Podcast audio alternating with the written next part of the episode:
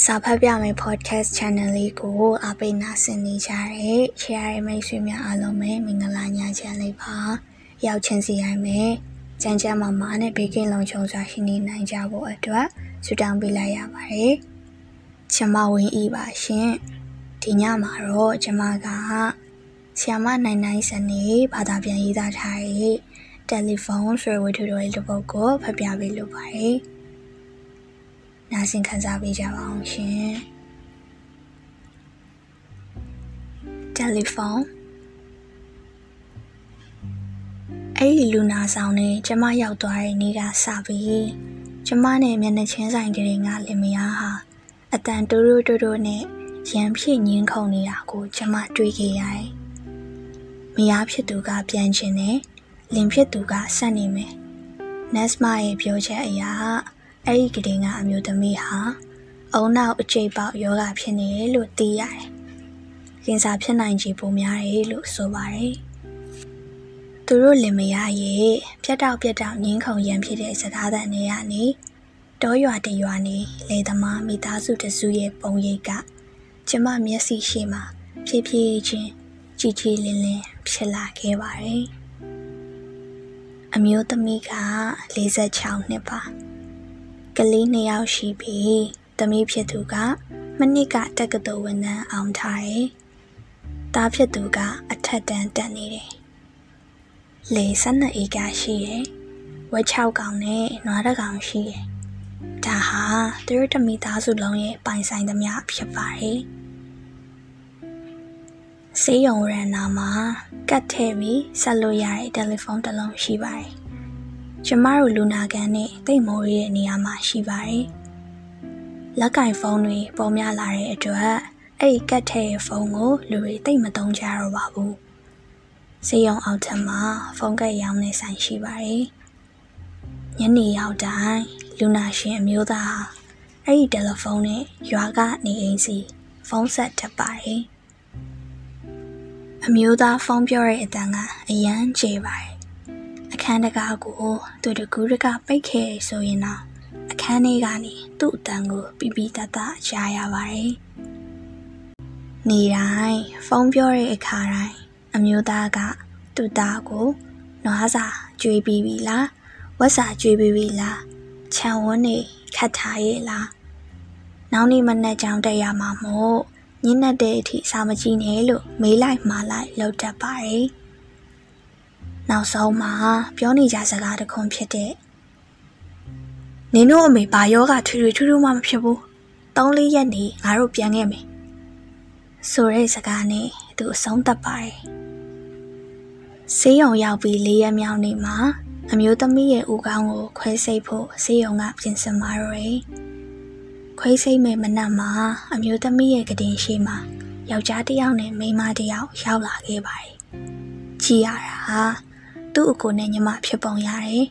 ။အမျိုးသမီးကညီမရဲ့လက်ကိုစောက်ကင်ထားတယ်ဆိုပေမဲ့သူ့မျက်လုံးကသူ့ယောက်ျားရဲ့မျက်နှာကနေကို မခွာခဲ့ပါဘူး။မိစေးပေးကနေမှာအမျိုးသမီးကအမျိုးသားရဲ့လက်မောင်းကိုဖမ်းဆွဲပြီးယောက်ျားတကယ်လို့ခွေးစိတ်ကတဲ့မောကနေငါဆင်းမလာနိုင်ခဲ့တော့ရင် ငါ့ကိုအိမ်နောက်ကတောအုပ်ထဲမှာမြုပ်ပြီးရပြီတခြားဘာမှလုပ်စရာမလိုဘူးပတ်စံအကုန်ခံနေစရာမလိုနော်ဒီတစ်ခေါက်တော့ငါစကားကိုရှင်းနာထောင်ပေးနော်လို့အတန်တောင်တောင်နဲ့ပြောတယ်မျက်ရည်တွေသူ့ဘားပြင်မော်ဝေါကနေကြားလာပါတယ်อืมဒါအောင်နေမပူပါနဲ့ လို့အမျိုးသားကဆိုရယ်လင်းလက်တဲ့အရေးတချို့အမျိုးသမီးရဲ့သွေးကြောတွေဝင်ရောက်သွားတာနဲ့အမျိုးသမီးရဲ့မျက်ခွန်တွေပျော့ဤကျလာပါတယ်အမျိုးသားရဲ့မျက်နှာပေါ်ကကြွက်သားတွေတောင့်တင်းလာပါတယ်နတ်ကအမျိုးသမီးကိုတွန်းသွားတယ်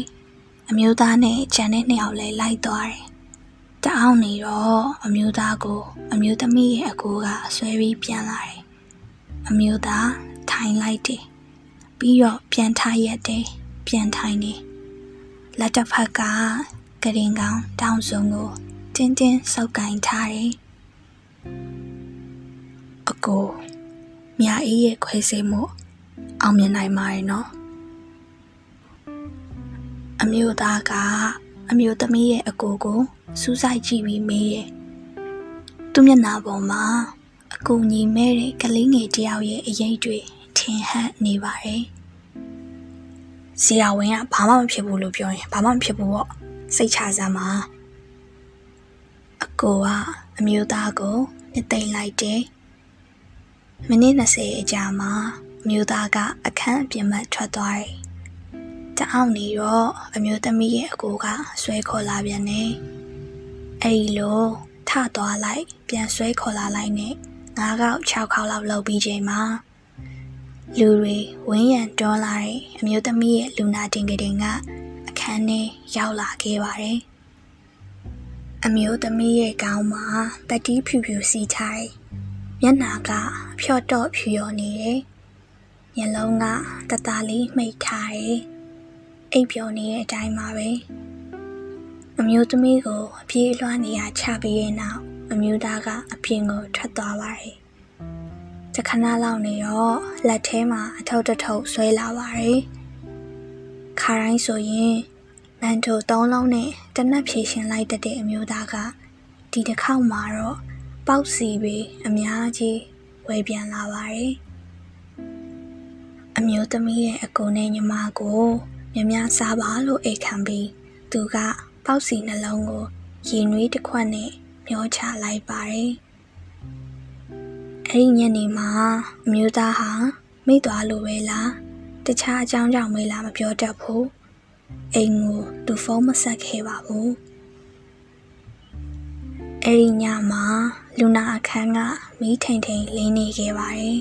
။ညတကောင်မှာကျမအပေါ်ထားသွားတော့အမျိုးသားဟာအမျိုးသမီးရဲ့ကတင်ကောင်းရင်မှထိုင်ပြီး ကြောက်ရွံ့တရုပ်လို့တုတ်တုံမှမလုပ်ပဲအမျိုးသမီးရဲ့မျက်နှာကိုပဲစိုက်ကြည့်နေတာကို တွေ့ခဲ့ရတယ်။နောက်တနေ့နေ့လယ်မှာအမျိုးသမီးနိုးလာပါတယ်။စကားပြောလို့မရသေးပေမဲ့အမျိုးသားကို ပြုံးပြီးကြည့်နေပါတယ်။အမျိုးသားကဝမ်းသာအားရလက်နှစ်ဖက်ကိုပုတ်တက်နေပါတယ်။ပြီးတော့ဈေးရုံအောင်ပြေးဆင်းပြီးချိုချင်တွေဝေလာပါတယ် အဲ့ဒီချိုချင်တွေကိုဆရာဝန်နားနေကန်စီတွားပေးလိုက် nurse နားနေကန်စီတွားပေးလိုက်ပြီးတော့ကျမနဲ့ဘေးကကတင်တွေကိုလိုက်ဝေပါတော့တယ်အမျိုးသမီးရဲ့အခြေအနေကကြည့်ရတာတော်တော်ကောင်းပါတယ်အောက်ဆီဂျင်ဖုံးဖြုတ်လိုက်တဲ့နေ့မှာပဲအိမ်ပြန်မဲလို့သူစပူစားပါတော့တယ်အမျိုးသားကကလေးငယ်တယောက်ကိုချော့နေတယ်လို့မျိုးအမျိုးသမီးကို မပြတ်ချော်နေပါတယ်။သူမြင်မှုသမျှကြားဖို့သမျှအသစ်အဆန်းတွေနဲ့အမျိုးသမီးကို ပြောပြနေပါတယ်။အရာအားလုံးအရင်အတိုင်းပဲပြန်ဖြစ်သွားပါတယ်။ယနေ့ရောက်တိုင်းအမျိုးသားကရန်နာနာကကတ်တဲ့တယ်လီဖုန်းစီသွားပြီးရွာအိမ်စီဖုန်းဆက်ပါတော့တယ်။သားဖြစ်သူကိုမရမနာဟိုမှာဒီမှာလောက်ပါတယ်။ သူ့အတန်ကကျဲမြဲကျဲလျက်ပါပဲမှာနေကြစကားကလည်းအဲ့ဒီစကားတွေပါပဲအကြောင်းထမကပြောနေတဲ့စကားတွေကိုကျမတောင်အလွတ်ရနေပါပြီတညနေမှာရေချိုးကန်းကနေကျမထွက်လာတော့အမျိုးသားကိုတယ်လီဖုန်းပေးမှတွေ့လိုက်ရပြန်ပါတယ်သူ့အတန်အကျယ်ကြီးနဲ့နွားကိုတနေ့အစာတစ်ခါပဲကျွေးရင်ရပြီ စောင်းထဲမှာအလုံးမခိုင်းနေတော့နွားကဘိုက်နေနေစားလေကိစ္စမရှိဘူးဝက်ကိုတော့အစာကောင်းကောင်းကျွေးနော်အလေးချိန်ပြည့်ရနဲ့ငါတို့ဈေးကောင်းရအောင်ရောင်းလို့ရတယ်နင်တို့အမေတတ်တာလာတာမြန်နေဆရာဝန်ကနောက်3လေးရက်နေဆေးရုံဆင်းလို့ရပြီပြောတယ်လို့အော်နေပြန်ပါတယ်အမျိုးသားကသူပြောလို့ရကိုပြောနေပါတယ်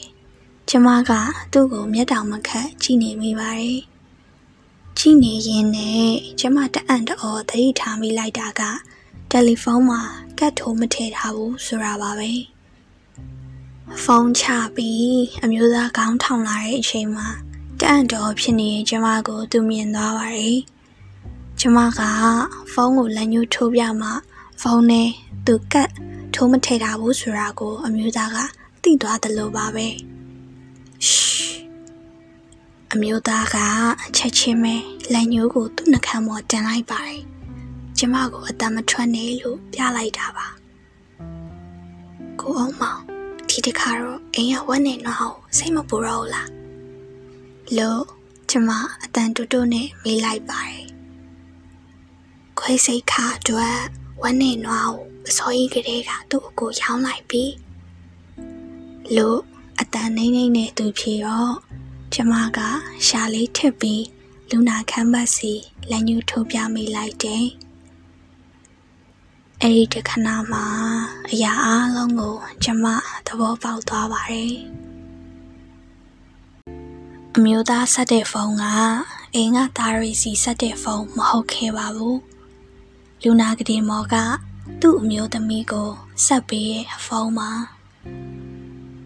ကျမရဲ့နှလုံးသားတဆက်ဆက် တုန်လှုပ်နေပါတယ်သူ့အတွက်သူ့အမျိုးသမီးအတွက်သူတို့ရဲ့အချစ်အတွက်ကျမနှလုံးသားခုန်နေခဲ့ပါတယ်လောကမှာလူကိုဒီလိုခံစားတတ်ဝင်စေတဲ့အချစ်စစ်ဆိုတာရှိနေသေးပါလားရိုမန်တစ်ဆန်တဲ့နင်းစီပန်းတွေ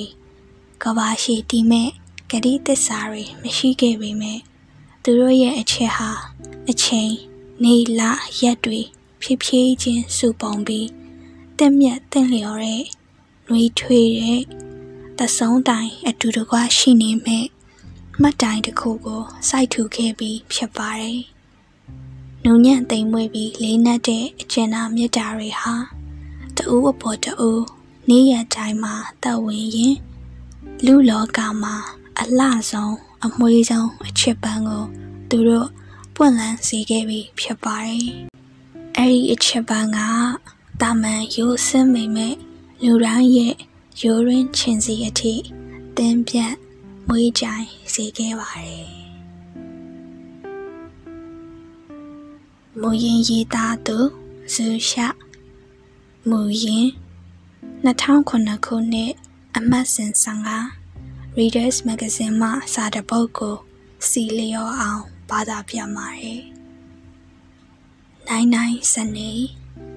ဧပြီစနစ်2014ဒီဝတ္ထုတိုလေးကို audio book ပြုလုပ်ခွင့်ပေးတဲ့ဆ iam နန်းနိုင်စနေကိုလည်းကျေးဇူးများတင်ပါတယ်။နားဆင်ပေးခဲ့ကြတဲ့မိတ်ဆွေများလည်း